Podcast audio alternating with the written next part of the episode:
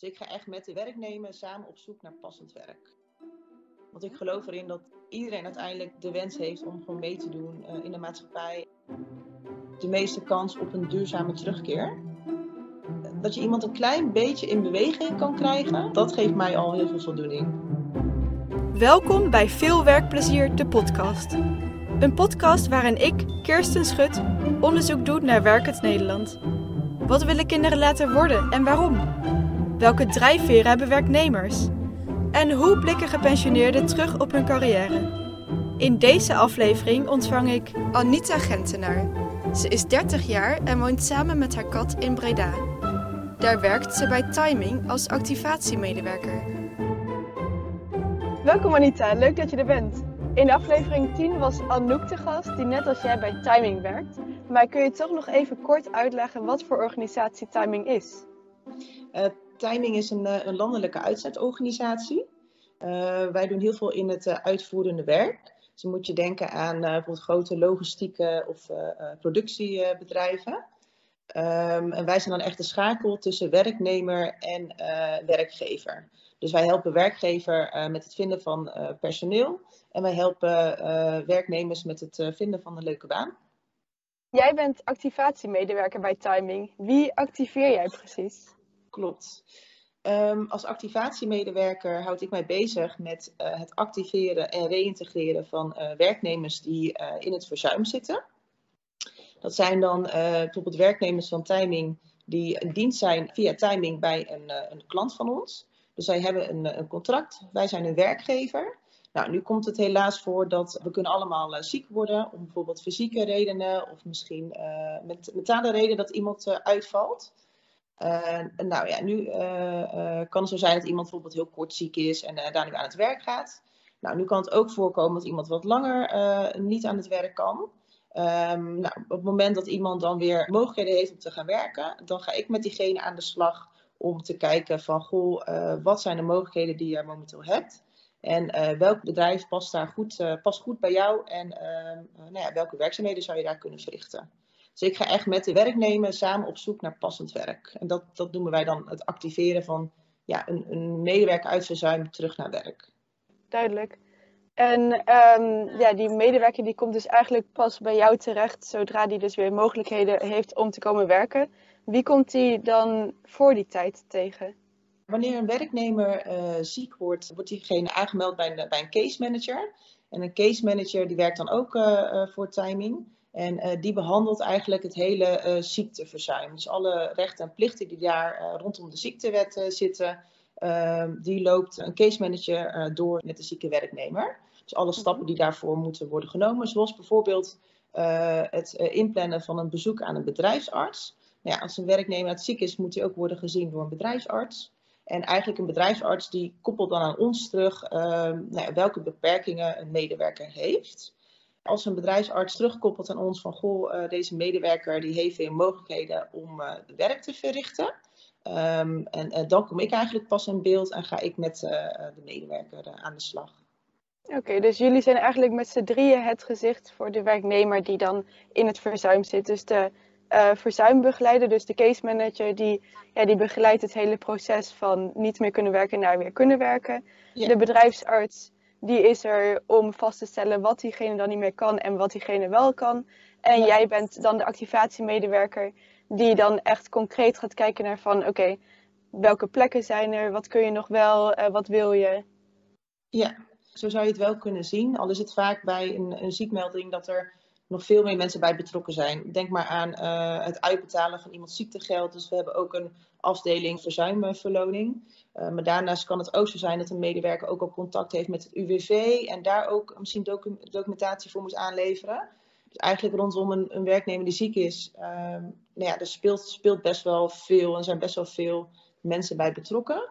Uh, maar inderdaad, vanuit timing is het inderdaad voornamelijk in ieder geval een case manager die heeft contact met de werknemer. En, uh, en ik dan wanneer reïntegratie mogelijk is. Nou, dat is wel een uh, mooi proces zo voor de werknemer, wat helemaal voor hem of haar is opgezet, denk ik. Ze zei ook van de case manager, die heeft wel met regels, wetten en protocollen te maken. Heb jij daar helemaal niets mee te maken met documentatie of regelgeving? Absoluut wel. Ja, ja, dat is heel erg belangrijk. Ehm, wij moeten ook documentatie aan het UWV overdragen bijvoorbeeld. Dus alles wat wij bespreken en de stappen die wij zetten, dat documenteren wij ook. En welke stappen zet je dan zowel? Of hoe begint zo'n proces voor jou met een medewerker? Ehm, ja, dat, dat, het, verschilt wel per medewerker. Het, het, is wel echt maatwerk. Maar um, nou ja, we beginnen altijd in ieder geval wel met uh, een intake en een, uh, een kennismaking. Uh, dat probeer ik wel zo mogelijk, zoveel mogelijk fysiek te doen, zodat je elkaar ja, in ieder geval leert kennen. soms speelt er eigenlijk best wel veel rondom een, om, om een medewerker. Het is in ieder geval fijn als je elkaar in de ogen kan kijken en um, nou ja, dat je in ieder geval elkaar echt wel kan leren kennen. Uh, want het kan zomaar zijn dat je met iemand wel twee, twee jaar een heel traject uh, ingaat. Um, maar krijg je dat, die informatie niet door van de bedrijfsarts? Want in principe, die weet het al, toch? Ja, klopt. Ik krijg uh, informatie door van de bedrijfsarts. Alleen wij mogen niet alles documenteren. Dus ik weet eigenlijk, eigenlijk ook niet alles. En, en kijk, je kan wel van een laadje aflezen wat iemand heeft. Maar als je met iemand in gesprek gaat en iemand zit tegenover je, dan vraag ik eigenlijk altijd van, goh, uh, wil jij mijzelf vertellen wat jij wil vertellen, uh, nou ja, wat, wat, er speelt en hoe het met je gaat. Mm -hmm. uh, en dan krijg je eigenlijk al een heel ander beeld dan dat je het alleen leest van een blaadje van een bedrijfsarts.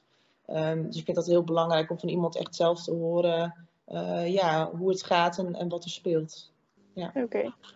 En misschien een hele kritische vraag hoor, maar ben je dan ben je eigenlijk altijd nodig? Want uh, kan een medewerker ja. bijvoorbeeld zelf geen werk vinden wat passend is voor hem of haar? Ja, nou, het is, het is een uh, hele goede vraag. Uh, het, het, komt ook zeker voor dat ik, dat ik helemaal niet uh, nodig ben. En dat ik bijvoorbeeld een, een eerste intakegesprek heb.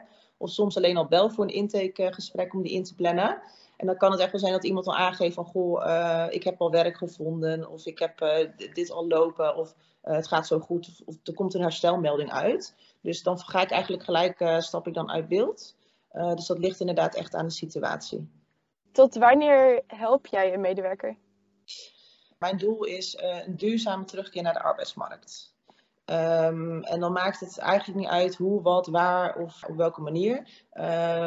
het belangrijkste is gewoon dat iemand weer oppassend bij zijn beperkingen of bij wat voor diegene kan, dat hij een plekje terugvindt in de arbeidsmarkt. Want ik geloof erin dat iedereen uiteindelijk de wens heeft om gewoon mee te doen uh, in de maatschappij en een, een fijne, fijne baan te hebben. Um, maar ja, wanneer stopt het? Nou ja, dat ligt ook heel erg aan.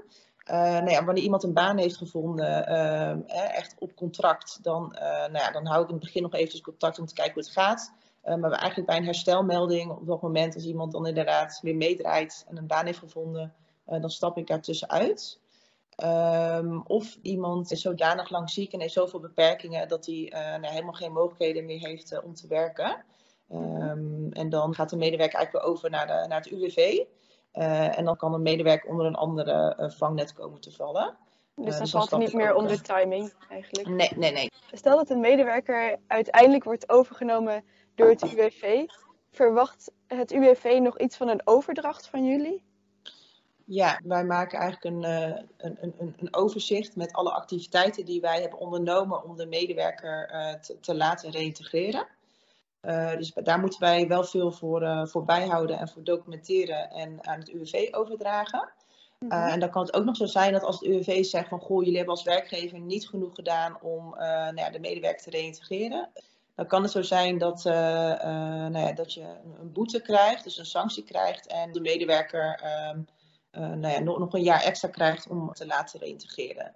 Hoe ziet de samenwerking tussen jou en de medewerker eruit? Hoe close zijn jullie? Um, nou, dat, dat verschilt ook uh, heel erg uh, per, uh, per situatie. Um, ik heb medewerkers nou ja, waar ik nog net niet dagelijks contact heb, telefonisch of per WhatsApp bijvoorbeeld. Um, gewoon te kijken hoe het gaat en of er vragen zijn het ligt er ook een beetje aan in welke fase van het proces je met iemand zit en uh, hoe het ook echt zelf met, met iemand gaat. Um, als iemand bijvoorbeeld is begonnen met reintegreren, dan heb ik uh, nou, wel wat meer contact en ook wat korter, bijvoorbeeld via WhatsApp, om gewoon even te kijken hoe gaat het, hoe was je dag, wat heb je gedaan. Dus even dat, dat vlugge contact. En als ik echt iemand begeleid, iemand in het sollicitatieproces, dan heb ik ook wel nou ja, bijvoorbeeld wat meer contact over de sollicitatie. hoe is het daarna gegaan? heb je al een gesprek gehad? dus dan heb je bijvoorbeeld wat kortere contact. En bijvoorbeeld helemaal aan het begin, als je elkaar dan echt nou ja, leert kennen en traject start, Ehm, nou ja, dan heb je wat meer, wat meer dieptegesprekken ook om elkaar te leren kennen en het proces op te starten. En een medewerker die, die heeft dus dan weer mogelijkheden om te gaan werken. Dan kan ik me wel voorstellen dat hij dus eigenlijk altijd blij met jou is, omdat jij er dan voor gaat zorgen dat het dan ook gaat gebeuren. Ja, was dat maar, uh, was dat maar zo. Ik weet niet of iedereen altijd heel erg blij is met mij. Maar uh, dat zou wel, uh, zou wel heel fijn zijn. Maar wat ik dan ook voornamelijk doe is, uh, ik ben ook heel erg actief bezig met het zoeken naar reïntegratieplekken. Um, um, even echt voor mij in de regio, dat wanneer ik iemand heb die we mogelijkheden heeft, dat ik ook wel gelijk een, een bedrijf heb die ook reïntegratiemogelijkheden heeft. Dus daar ben ik me, ben ik me ook heel erg op aan, op aan het focussen. Oh, want dat zijn niet dezelfde klanten van timing als waar intercedenten, als waar Anouk zeg maar meewerkt. Nee. nee.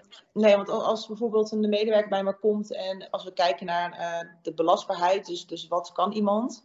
En diegene die heeft bijvoorbeeld altijd heel graag in een bepaalde soort branche of in, of in een winkel of iets, iets willen doen.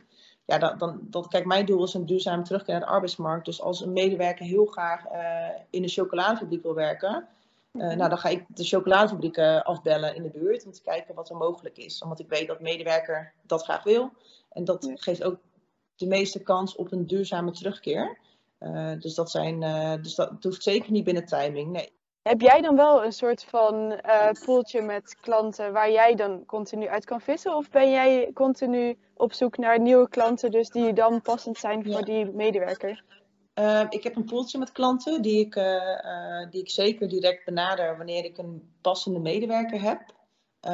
maar ik, ik bel ook gewoon random naar, naar klanten die ik nog niet ken. En dan een heel andere vraag. Waarom, waarom doe je dit werk? Waarom vind je dit zo leuk?